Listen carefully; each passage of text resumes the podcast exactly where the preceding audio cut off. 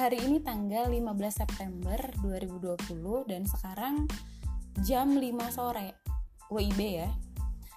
Uh, ya Rika baru pulang kantor. Uh, jadi Rika mau ngobrol dulu deh terkait dengan sekarang yang lagi trending di Twitter yaitu uh, ospeknya salah satu universitas atau perguruan tinggi yang ada di Indonesia tapi Rika nggak tertarik untuk bahas kampusnya atau programnya sehingga menjadi viral itu. Tapi Rika justru pengen flashback um, waktu Rika jadi panitia dan pastinya Rika juga pernah jadi peserta. Serunya seperti apa gitu. Kenapa sih ospek yang uh, nggak sekarang sih? Sepertinya memang dari zaman dulu bahkan zaman dulu lebih lebih itu ya lebih serem ospeknya kalau kalau uh, dengar-dengar cerita baca-baca berita dari tahun ke tahun pasti aja ada ospek yang semenyeramkan itu. Sampai ada yang meninggal itu kan horor banget gak sih? Gitu. Uh, tapi kenapa Rika tidak mengalami itu? Kayak ya alhamdulillah bersyukur Rika tidak mengalami yang ospek ospek yang menyeramkan itu. Um, sebelum sharing ke sana mereka jadi mikir sebenarnya faedahnya ospek itu apa sih? Tujuannya ospek itu apa sih? Bukannya tujuan dari ospek itu adalah memperkenalkan atau memahami lingkungan kampus sebagai uh, suatu lingkungan akademis serta uh, memahami mekanisme yang berlaku di dalamnya. Terus juga bukannya tujuannya salah satunya agar mahasiswa bisa beradaptasi dengan sesama mahasiswa yang lain. Terus bukannya uh, ospek itu juga salah satu media untuk menumbuhkan kesadaran bahwa kamu sekarang ini tanggung jawabnya beda loh di akademik gitu ya. Um, kamu sekarang sudah menjadi mahasiswa, bebannya itu sudah beda lagi dan kamu harus serius menjalani ini kayak gitu. Um, ya sesuai dengan yang tertuang di dalam Tridharma perguruan tinggi lah gitu. Isinya apa aja ya googling lah monggo gitu ya. Rika juga nggak hafal. Bukannya tujuan ospek itu it uh, yang poin-poin yang sudah Rika sampaikan tadi ya atau bahkan ada yang kurang? Tapi kurang lebih ya sama lah uh, memperkenalkan memperkenalkan dunia kampus ini gitu. Tapi kenapa? Kenapa ospek itu jadi hal yang menyeramkan? Itu yang menjadi pertanyaan. Um, pernah baca artikel kenapa sih kan mereka penasaran tuh. Kenapa sih ospek itu jadi menyeramkan banget? Ternyata uh, mereka nggak tahu ini sumbernya valid atau enggak tapi dari artikel yang mereka baca itu kenapa ospek menyeramkan karena pada zaman dahulu itu uh, ada asumsi bahwa uh, dibentuknya ospek karena mahasiswa yang berasal dari kalangan atas atau kalangan yang terhormat itu sulit diatur. Makanya dibentuklah si ospek ini yang mungkin pengemasannya jadi uh, lebih keras gitu ya. Sehingga yang membuat orang-orang itu ya udah manut gitu sama kegiatan yang ada di dalamnya. Gitu. Uh, tapi poin menurut Rika sendiri poin yang harus disampaikan itu bukan untuk adanya senioritas atau uh, lo harus nurut apa kata gue. Menurut Rika poinnya itu bukan situ. Bukan poinnya siapa yang duluan lahir di kampus itu bukan. Tapi poinnya adalah uh, ospek itu yang tadi udah Rika ceritakan udah Rika uh, bicarakan kan.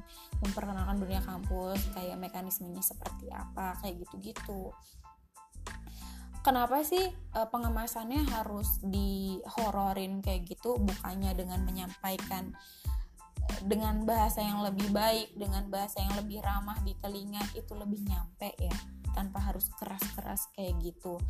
Please yang orang mau kuliah uh, umur lo juga udah nggak muda lagi. Maksudnya udah bukan bocah lagi udah 18 tahun kurang lebih kan ya lu harusnya paham lah uh, bagaimana lu bersikap dengan lingkungan yang baru dengan keadaan yang baru. Kayak gitu. Um, jadi ya mungkin ada kerja sama juga ya harusnya kayak gitu um, karena Rika tidak merasakan kekerasan itu jadi Rika juga nggak tahu uh, gregetnya itu sampai di mana. Tapi um, gini. Ya udahlah. Kenapa sih Rika di sini tidak menyalahkan pihak mana pun ya. Maksudnya gini kayak yang Rika sampaikan tadi kenapa sih harus pakai harus ngotot-ngotot harus ngegas gitu ya ngomongnya? Um, ya banyak sih alasannya karena biar mereka itu tepat waktu kayak gitu kan. Uh, biar di, di disuruh ngumpul cepet ya dia cepet gitu kan. Alasannya kenapa pagi banget dalilnya karena takut macet kayak gitu kan. Apa-apa yang ada di ospek itu nyatanya tidak menampilkan apa-apa di kehidupan perkuliahan. Paham gak sih maksudnya? Jadi kegiatan yang ada di ospek itu tidak tidak mungkin eh, nggak uh, 100% menampilkan kehidupan selama lu menjadi mahasiswa. Enggak karena ketika kamu terlambat pun nggak diberi hukuman tuh waktu kuliah ya kan? Waktu kamu terlambat uh, konsekuensinya apa sih? Palingan yang nggak boleh masuk kelas terus nggak boleh absensi kayak gitu-gitu kan? Nggak sampai dihukum-hukum yang lebay kayak gitu ya. Itu tuh menurut mereka ya alasan-alasan panitia aja mungkin kayak gitu.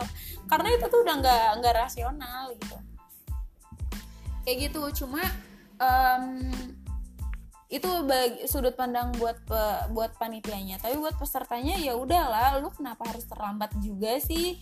Um, apa ya kayak ya udah ngikutin aja kenapa sih gitu. Maksud bukan ngikutin aja. Ketika jadi menurut mereka sendiri yang mungkin yang harus dirubah adalah uh, ospek itu tetap harus dijalankan tapi yang harus dirubah adalah kontennya uh, seperti apa? Enggak juga subuh kan? Enggak juga emang lu kuliah subuh? Kayak gitu kan. Nggak juga memberatkan si mabanya kan mahasiswa barunya kan. Kayak gitu-gitu kayak ya udah nggak perlu juga kan lu ngedandanin mahasiswa baru dengan pakaian-pakaian yang lucu.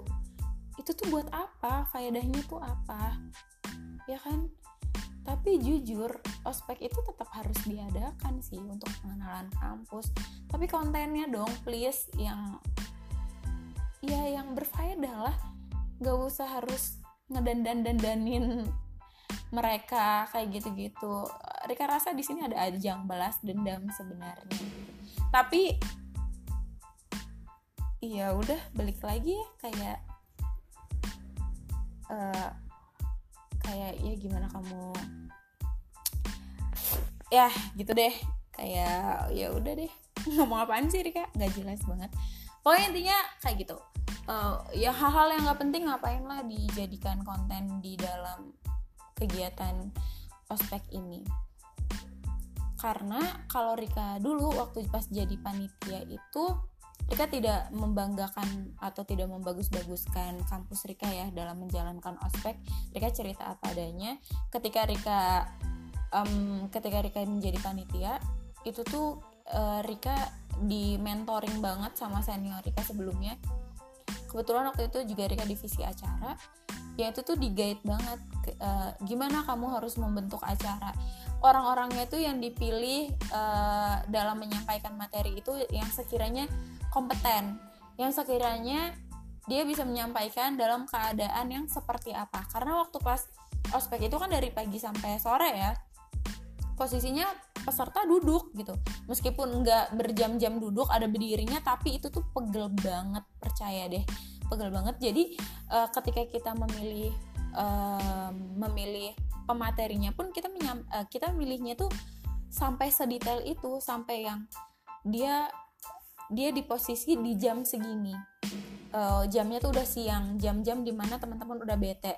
Kira-kira bapak ini menyampaikannya dia orangnya humoris nih bisa nggak ya nyampe ini itu dengan gayanya dia sehingga uh, jam itu bukan alasan kayak gitu. Sampai hal yang sedetail itu kita mikirin. Terus de, uh, makanan. Biasanya tuh kan pakai clue yang ribetnya naujibillah gitu kan tapi alhamdulillah selama Rika jadi panitia dan Rika jadi peserta pun nggak pernah diberatkan dengan itu. Ya itu masih rasional aja dan makanan itu pun nggak nggak membebani secara finansial di pesertanya. Karena itu sewajarnya. Kamu ya paling bawa lemper buat makanan kamu.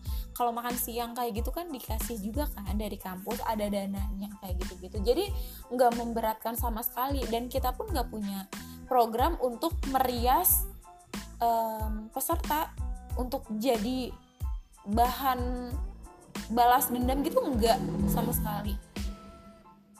Makanya Rika um, kenapa sih kok kampus yang lain seserem itu ya menyajikan ospeknya kayak gitu-gitu. Dan alhamdulillah Rika di kampus Rika Rika ngejalannya enjoy dan justru waktu hype-nya jadi panitia itu dapat banget ketika Rika bangun uh, subuh masih jam 3 itu kita udah briefing. Terus um, tidurnya itu malam karena harus prepare buat hari berikutnya. Belum juga gladi. Kan itu semua semuanya yang nyiapin ya panitia kan? Ya mungkin ada sekitar berapa ya? Sekitar 30-an peserta eh panitia kan yang terlibat. Lebih mang lebih mungkin Nah itu tuh gregetnya dapat banget tanpa harus kita menyiksa si mahasiswa baru.